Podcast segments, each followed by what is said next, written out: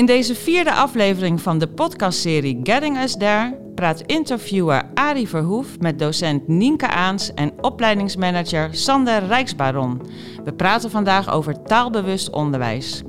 Nienke en Sander werken bij de opleiding HRM. Deze opleiding maakte zich zorgen over het taalniveau van de studenten en besloot met taalbewust onderwijs aan de slag te gaan.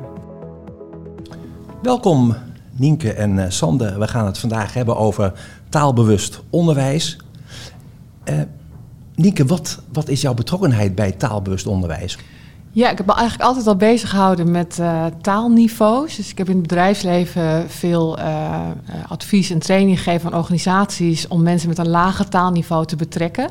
Dus hoe communiceer je met mensen met een lager taalniveau? Dus in die zin vind ik altijd interessant om daarover na te denken. Hoe betrek je mensen met een lager taalniveau en hoe kun je mensen op een hoger taalniveau krijgen eventueel? En ik werk nu een jaar of drie in het onderwijs en ik merk dat het hier ook echt wel een onderwerp is. Ik zie echt enorm veel verschil in taalniveaus van studenten. En um, aan de ene kant vind ik dat je na het HBO uh, professioneel genoeg moet zijn om, om foutloos te communiceren. Aan de andere kant vraag ik me af hoe eerlijk het is om van elke student te verwachten dat ze zelfs een taalniveau halen, omdat ze allemaal een andere ontwikkeling hebben gehad tot hun twintigste. Ja. Dus ik denk dat daar uh, ook een, uh, een, verantwoordelijkheid van de opleiding zit. Nou, de opleidingsmanager zit hier. Sander, zeker, zeker. jij bent in 2019 geïnspireerd geraakt voor uh, taalbewust onderwijs uh, tijdens het uh, Thinkfest. Vertel, hoe is dat gekomen? Ja, nou, als ik nog daarvoor mag zeggen, we zijn eigenlijk al jaren op zoek naar wat, ja, wat moeten we nou met taal. Hè? We zien dat heel veel studenten dat lastig vinden. Dat we inderdaad het eindniveau soms niet halen. En, ehm, en eigenlijk hebben we ook heel veel verschillende dingen geprobeerd. En dan moet je denken aan aparte taalkursussen, instaptoetsen, taaldocenten die allerlei extra begeleiding geven. En bij het Thinkfest vond ik het juist zo leuk dat, dat het eigenlijk ging over taal is van ons allemaal. En dat was voor mij toch wel een eye-opener eigenlijk. Uh, dus niet alleen van de taaldocenten, die hebben er ook een rol in, maar alle docenten moeten uh, daar aandacht aan besteden. Ja. En dat deden we volgens mij nog onvoldoende. Ja. Tenminste, ik, laat ik het zo zeggen. We hebben het over taalbewust onderwijs, we hebben het over taalniveau, we hebben het over foutloos schrijven. Uh, er gaat een hele wereld leven dan, maar, maar mm. Wat is taalbewust onderwijs precies? Is dat alleen maar letten op D'tjes en T'tjes? Uh, Nienke? Nee, zeker niet. Dat is denk ik het misverstand. Het is niet alleen maar spelling en grammatica. Het is juist ook uh, zorgen dat uh, je interactief lesgeeft. Dus activerende werkvormen inzet. Um, dat je de context meeneemt in je lessen. Dus bijvoorbeeld de link naar het beroepsleven of naar de actualiteit. Dat je studenten um, zelf veel aan het woord laat. dat je ze ook steunt en veel feedback geeft op hun zowel mondeling als schriftelijke vaardigheden. Dus het is best veel. En, uh, en bij de Haagse Hogeschool hebben ze eigenlijk drie pijlers. En dat is context, interactie en taalsteun. En daar valt een hele, zit een hele wereld onder. En ik denk dat een heleboel docenten daar wel veel mee doen, maar daar nog niet altijd bewust van zijn. Dus dat we daar nog best een stap in kunnen maken. Ja, want wat jij zegt klinkt allemaal heel logisch. En toch gaat het vaak mis. Kun je een paar heel concrete uh, uh, voorbeelden geven van hoe snel het mis kan gaan? Ja, nou toevallig had ik gisteren uh, een overleg via Teams met, mijn, uh, met het docententeam. En toen waren we bezig met het maken van sheets voor de komende les.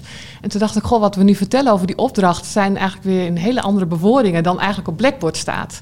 Nou, dat vind ik al een voorbeeld dat wij er bewust van moeten zijn. Dat we consequent moeten zijn in ons woordgebruik. Zodat we zeker weten dat studenten het begrijpen. En dat ook eigenlijk steeds moeten checken of ze dat begrijpen. Je had het net over het taalniveau van de student. Uh, ik hoorde dat je daar een beetje bezorgd over bent. Ja. Waarom? Ja, ik vind dat er gewoon veel verschil zit in het taalniveau van studenten. Als ik soms stukken terugkrijg, is het vaak rommelig, lange zinnen, er zit weinig structuur in, uh, toch nog veel, veel grammatica en spelfouten. Uh, en zelfs op het vierdejaarsniveau zie ik soms stukken van ik denk, ja, is eigenlijk niet voldoende voor een afgestudeerde. Um, ja, en ik vind het niveau verschil juist ook wel zorgelijk. Ik vraag me af of we uh, hoe we in vier jaar tijd iedereen op datzelfde taalniveau krijgen. Daar is nog wel wat te doen. Ja. Nu heeft Haagse een prachtig onderwijskader. Uh, Sander, daar ben je heel erg mee bezig om dat op alle mogelijke manieren uh, gerealiseerd te krijgen. Waarom is dat taalbewust onderwijs in, in dat verband zo belangrijk? Ja, ja taal is eigenlijk alles. Hè? Dus, uh, dus als je het niet snapt of onvoldoende aansluit bij studenten, dan, dan krijg je ze niet mee. Dus uh, draagt bij een inclusiviteit. Ehm, ik, ik, ik had toevallig verleden week had ik een, ehm, een, een voorbereidingssessie voor de open dag. En daar sprak ik studenten en we hadden het over uh, de praktijk in de opleiding. En toen uh, gingen zij uitleggen wat ze daaronder verstonden. En toen hadden ze het over ja, praktische werkvormen. Ik nee, dat bedoel ik helemaal niet. Maar omdat ik het checkte, kwam ik daarachter. En ik merk toch vaak dat ik ervan uitga dat ze het wel snappen. En eigenlijk ook bij collega's. Dus wat ik weer doe met collega's, zo, uh, ja, dat heeft allemaal met elkaar te maken. Je gaat er snel uit dat een ander het snapt. En, en, en we checken dat onvoldoende. En dat, uh, ja, dat is wel echt heel belangrijk ja, om dat zo te doen. Er is dus alle reden om uh, heel goed hiermee aan de slag te gaan. Ja, ja. En hoe pak je dat aan? He, je vertelde net, we hebben al heel veel gedaan. Ehm, docenten denken dat ze het goed doen. En toch blijkt het niet goed genoeg te zijn. Hoe pak je dat nou zo aan dat het voor eens en voor altijd uit de lucht is, het probleem? Nou, of dat zal lukken, dat uh, weet ik niet precies. Maar ik was inderdaad geïnspireerd geraakt op dat Vinkfest door Janneke Kelter van de Taalab. En toen ben ik met haar gaan sparren. Uh, van, uh, ja, denk eens mee, hoe kunnen we dat voor elkaar krijgen... dat we taalbewust onderwijs gaan inbedden in het programma. Ja. En toen adviseerde zij van ja, eigenlijk is het goed dat uh, alle docenten in ieder geval zich bewust ervan zijn dat ze er allemaal een rol in spelen. Dat vond ik ook een goede aanpak. En toen, ja. Uh, ja, toen dachten we, we moeten dat gewoon gaan trainen. Dus dat we een aantal sessies organiseren. Ik moet zeggen, ik vind de ondersteuning van de taalab echt geweldig. Uh, goed meegedacht. Ze kunnen bijna altijd. Ze bereiden het goed voor. Ze zorgen voor de uitnodigingen. Ja, het is echt bijna een gespreid bedje. ze nemen dat helemaal uit ja. handen. En uh, nou ja, goed, we, we zijn nu, uh, we hebben aankomende donderdag sessie 3. En dan hebben we nog ergens voor de zomer sessie 4. Dus dan hoop ik dat de meeste docenten denken, oh ja, ja dat is mijn rol daarin. Dan zitten ook allerlei opdrachten in, dus dat, dat je met je eigen materiaal aan de gang gaat. En volgend jaar willen we meer een stap gaan maken van, uh, ja, dat we dat gaan stroomlijnen, dat er wat meer een taallijn komt. Ja. Nienke, jij bent docent, heel erg betrokken bij, bij taalbewust onderwijs. Maar nu hoor ik je mede docenten al zeggen van hallo, onze agenda zit al boordevol. Uh, we willen de studenten zo goed mogelijk begeleiden. Dit is extra. Hmm. Hoe kijk jij daar tegenaan? Is het echt extra of valt het wel mee? Nee, ik denk ook dat heel veel docenten eigenlijk al heel veel doen. Uh, de taalontwikkelend lesgeven, zoals activerende werkvormen, uh, feedback geven, veel peer feedback zetten we in. Het gaat volgens mij vooral om bewustzijn en een beetje een rode lijn krijgen. Dat we allemaal meer op één lijn zitten. Zo heb ik bijvoorbeeld uh, nu bij het tweede en het vierde jaar dezelfde checklist gemaakt voor het schrijven van een rapport. En eigenlijk vindt het hele team dat geweldig. Dat vindt dat heel fijn dat dat gebeurt. En staan er ook heel erg voor open om dat gezamenlijk te gaan doen. Dus ik, volgens mij is het niet zozeer meer tijd, maar meer bewustzijn van uh, wat doen we nou eigenlijk. En het is meer dan spelling en grammatica en elkaar daar een beetje scherp op houden. Zonder jij beaamt dat, dat je zeg maar, geen problemen hebt met het enthousiast krijgen van je team? Uh, ik denk dat de meesten wel redelijk enthousiast zijn, sommigen wat minder. Maar goed, dat heb je in een team met ongeveer 40 mensen. Dus dat de een is wat enthousiaster dan de andere. Maar ik denk wel dat vrijwel iedereen inziet dat we hier iets mee moeten en ook kunnen. Uh, dus ja, in die zin ben ik wel enthousiast, ja. ja. Overigens was er uh, wel enige, enige mopper bij één groep. En wat ik ook wel goed vond, uh, dat we zijn met die groep in, in gesprek gegaan. En ook met, met Janneke, van hoe kunnen we nu ja, het wat verbeteren. Hè? Dus het ook concreter maken. En dat sloot, wat, sloot niet zo goed aan, vond, vonden de docenten daar. Dus ja, ook dat heeft ze gedaan. En we hopen dat het nu weer, weer beter wordt, ook voor die groep. Dus Nienke. Ja, ik zat toevallig in die groep. En die weerstand zat met name volgens mij in het feit... ja, maar dit doen wij toch al? En dit doen wij toch al goed? Ja. En dat is voor een deel ook zo. Maar om daar toch nog eens weer kritisch naar te kijken... denk ik dat we elkaar nog, meer, ja, nog kunnen verbeteren en scherper uh, op kunnen Dus dat bewustwordingsproces is heel belangrijk. Ja, ja, en, en ik denk het, uh, het, in één lijn trekken over de hele organisatie. Dus dat, je, dat een student in het eerste jaar dezelfde feedback krijgt als in het derde jaar. En dat steeds weer herkent. En daarin kunnen we wel gewoon... Uh, denk ik beter met elkaar afstemmen. Moet je eigenlijk specifieke vaardigheden hebben om um, taalbewust onderwijs te kunnen geven? Nou ja, het- heel veel mensen denken is spelling en grammatica. En niet elke docent is daar ook echt helemaal foutloos in. Dus daar zit volgens mij ook een beetje een weerstand of misschien Ja. een angst. Ik weet het niet. Maar ehm, het is zoveel meer dan dat. En al die andere zaken, dat inderdaad dat interactief eh, lesgeven, eh, activerende werkvormen inzetten, eh, de, de voorkennis betrekken, dat kan elke docent. Dus ik denk dat, dat je moet een beetje af moet van het idee dat je allemaal gewoon foutloos moet zijn in spelling en grammatica. Ik denk dat het belangrijk is dat er misschien één docent in een team dat op zich neemt en zorgt dat het er keurig uitziet. Maar dat hoeft niet elke docent altijd perfect te kunnen. Het is natuurlijk wel fijn als je daar wel goed in bent en dat je daar elkaar schep op houdt. Maar eh, het gaat ook veel meer juist om die context en die interactie. Ja, wat ik jou hoor zeggen is inderdaad dat als je als docent eh, heel erg goed bent in het eh, onderhouden van de interactie met je studenten, dat je al een heel eind bent. Precies, ja. En het is echt interessant, want dat heb ik ook in het bedrijfsleven altijd gezegd. Het is, een tekst is niet alleen moeilijk als je een laag taalniveau hebt. Een tekst is ook moeilijk als je de kennis niet hebt over het onderwerp. Of dat je er geen interesse voor hebt. Ja. En zo heb ik bij verzekeringsmaatschappijen heel veel goed werk kunnen doen. Maar daar heb je dat eigenlijk vaak alle drie dan niet. Dus ook in de lessen, als je ervoor zorgt dat, eh, dat, eh, dat je studenten interesseert. Dus dat je het onderwerp interessant voor ze maakt. En als je ehm, aanhaakt op hun kennis, hun voorkennis. Dan kun je dus al veel meer uitdagend eh, taalles geven. Ja.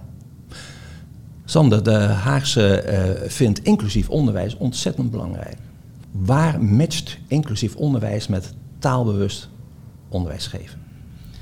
Nou ja, dat, dat aansluiten bij die beginsituatie en die context. Als je als, als, als een grote groep studenten niet goed begrijpt wat je bedoelt, ja, dan haken ze al af. Eh, ik denk dat het daarvoor echt erg belangrijk is. Ja, dat je voortdurend bezig bent met, eh ja, begrijp eens wat ik zeg, dat je dat checkt, dat je daarover praat met elkaar. Ik denk dat dat het belangrijkste is. Ja. En, en eh, wat eh, het taalpunt ook organiseert voor studenten die het echt eh, moeilijk hebben. Dus dat je ook nog naar de taalmaatjes kan en dat je daar nog extra ondersteuning kan krijgen. Er is echt heel veel materiale ondersteuning, wat wij ook gewoon helemaal niet wisten eigenlijk. Nee. Daar gaat echt een wereld voor je open als je op dat taalpunt en taallab kijkt. Eh, er is echt van alles. Jullie zijn bij de opleiding HRM al even bezig met taalbewust onderwijs. Wat levert dat jullie als team op? Nou, we zitten nu nog een beetje halverwege de fase, zou je kunnen zeggen. Ik denk wel dat, eh, dat er aangewakkerd wordt dat, het, eh, dat, dat docenten inzien... Wij, wij kunnen hier ook wat mee, we moeten hier ook wat mee. Maar die tweede fase is ook echt belangrijk. Dat we die, die lijn echt gaan aanbrengen. En dat we het materiaal goed eh, talig maken. En, dus deze stap is denk ik echt nodig. Maar die tweede stap moet ook nog. Nienke, wat zie jij dat het het team oplevert? Eh, ik denk uniformiteit, dus zorgen dat we gewoon meer één lijn trekken. Dat is zowel voor docenten prettig als voor studenten. Ehm, dus dat bijvoorbeeld goede checklists zijn of goede criteria. Da- Dat is gewoon heel fijn om te hebben. En die staan overigens op het taallab staan geweldige pareltjes eh, over lijsten van eh, criteria die je heel goed kan gebruiken. Mag ik ook nog iets zeggen over inclusiviteit? Want ik vind dat echt heel boeiend namelijk. Ehm, ik vind namelijk als ik een stuk lees wat slecht gestructureerd is met veel taalfouten, vind ik het dan moeilijker om de inhoud te beoordelen. En eigenlijk Ja. is dat heel oneerlijk.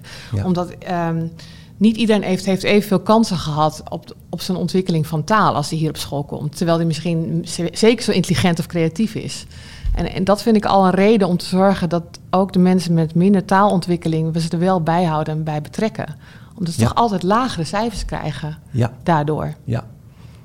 Is het niet zo dat inclusiviteit al heel gauw betrokken wordt op eh, internationale studenten, studenten met een beperking, ehm, terwijl taal dan gauw vergeten wordt? Nienke? Ja, terwijl taal, eh, ik weet niet of jullie de documentaire klasse hebben gezien, maar daar Ja. zie je al dat niet iedereen even, goed taalonderwijs krijgt. Eh, dus daar Ja. zit al een oneerlijkheid in. En ook niet vanuit huis altijd even goed zijn taal kan, Nederlands taal kan ontwikkelen. Ja. Ehm, Hoe heeft taalbewust onderwijs te maken met de toetsing? Ja, ook. Dus eh, een, een toets is een, eh, vaak talig. Dus eh, iets opleveren, een, een tekst opleveren. Of multiple choice vragen interpreteren. Of casusvragen. Allemaal taal. Ja. Dus als je al niet goed snapt wat er staat, dan, dan maak je dat ook minder goed. Maar als je nou niet talig bent als student, dan is het eigenlijk niet eerlijk als jij een verslag moet schrijven. Is er ruimte om, om dan na te denken over andere vormen van toetsen? Ja, het is een goede vraag. En dat vind ik ook echt heel boeiend. Want eigenlijk zit daar een oneerlijkheid in. Hè? Dus dat er iemand die kan heel creatief en intelligent zijn, maar uiteindelijk door taal komt het gewoon uh, rommelig over? Of ja, kan ik als docent soms de inhoud ook niet goed beoordelen, omdat ik de ander niet begrijp? Ja. Um, dus ik denk dat we daar nog niet helemaal uit zijn. Wij proberen wel als docenten met oefentoetsen de vragen goed door te nemen. Begrijp je het? We proberen ook wel natuurlijk in de lessen uh, studenten uit te dagen om te praten en te vertellen. En ook aan te geven wat ze wel of niet begrijpen. Maar ik denk dat hier nog de grootste uitdaging zit. Ik vind het een heel boeiend om andere onderwerp. toetsvormen te zoeken. Ja, ja. Is, dat, is dat eerlijker? Of moeten we ze allemaal toch op hetzelfde taalniveau krijgen? Ja. Ten slotte, welke tips hebben jullie voor collega's die uh, hierdoor geïnspireerd zijn geraakt en die zeggen van, yes, dat willen we ook gaan doen? Sander. Zorg dat zoveel mogelijk docenten hier warm voor worden. Dus niet alleen een paar taaldocenten. Uh, dat, dat dat de belangrijkste tip is. En uh, realiseer je dat je hier allemaal een rol in hebt. Nienke, heb jij een mooie tip? Ja, mijn belangrijkste tip is: ga toch eens naar dat taallab. Ik moet zeggen dat ik in eerste instantie dacht, oh wat veel informatie. Ik zag bijna door de boom het bos niet meer. Maar er zitten echt fantastische uh, stukken tussen. En bijvoorbeeld ook checklisten met... Um, is je, is je modulemateriaal taalbewust genoeg? Je hebt een hele mooie checklist, kun je dat gewoon afvinken. Er zit ook een hele leuke test op. Um, ben je als docent uh, bezig met taalontwikkelen lesgeven? Dat is ook een hele leuke test, vind ik. Nou, nog verschillende checklisten. Ik heb ook een keer uh, Janneke, gewoon Janneke Kelter van Taallab gebeld. Wil je eens meekijken met mijn lessen? En toen heeft ze me echt heel, uh, heel vriendelijk en uitgebreid feedback gegeven. Dus maak er gebruik van. Er is zoveel informatie al aanwezig bij de Haagse. Geweldig. Hartelijk dank jullie beiden voor uh, jullie input. Graag gedaan. Wil je ook aan de slag met taalbewust onderwijs? Of heb jij tips waar anderen weer mee verder kunnen? Kijk dan op Medewerkersnet bij het Taallab of bij Getting Us There.